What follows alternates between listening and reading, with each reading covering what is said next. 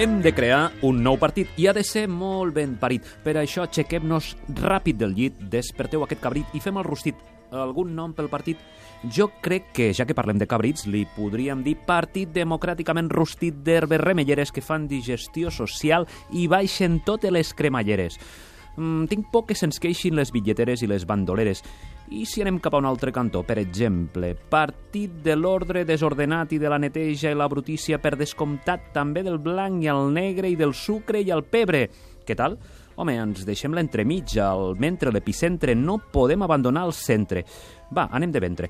I si el bategem com a partit explosiu, radioactiu, olfactiu, intuïtiu del canvi i el recanvi hiperactiu i de la moderació del sector psicoactiu, però també del coercitiu?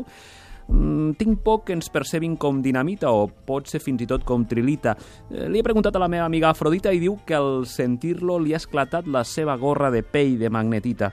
Doncs amics, cabrits, bandits, estimats electrolits i també entranyables emocits, crec que necessitem una marca que ens faci avançar com una barca reacció i que el nostre nom arribi fins a Dinamarca i que sedueixi al monarca, al patriarca, al matriarca, oligarca, l'anarca i a la parca. Una marca que compri tothom.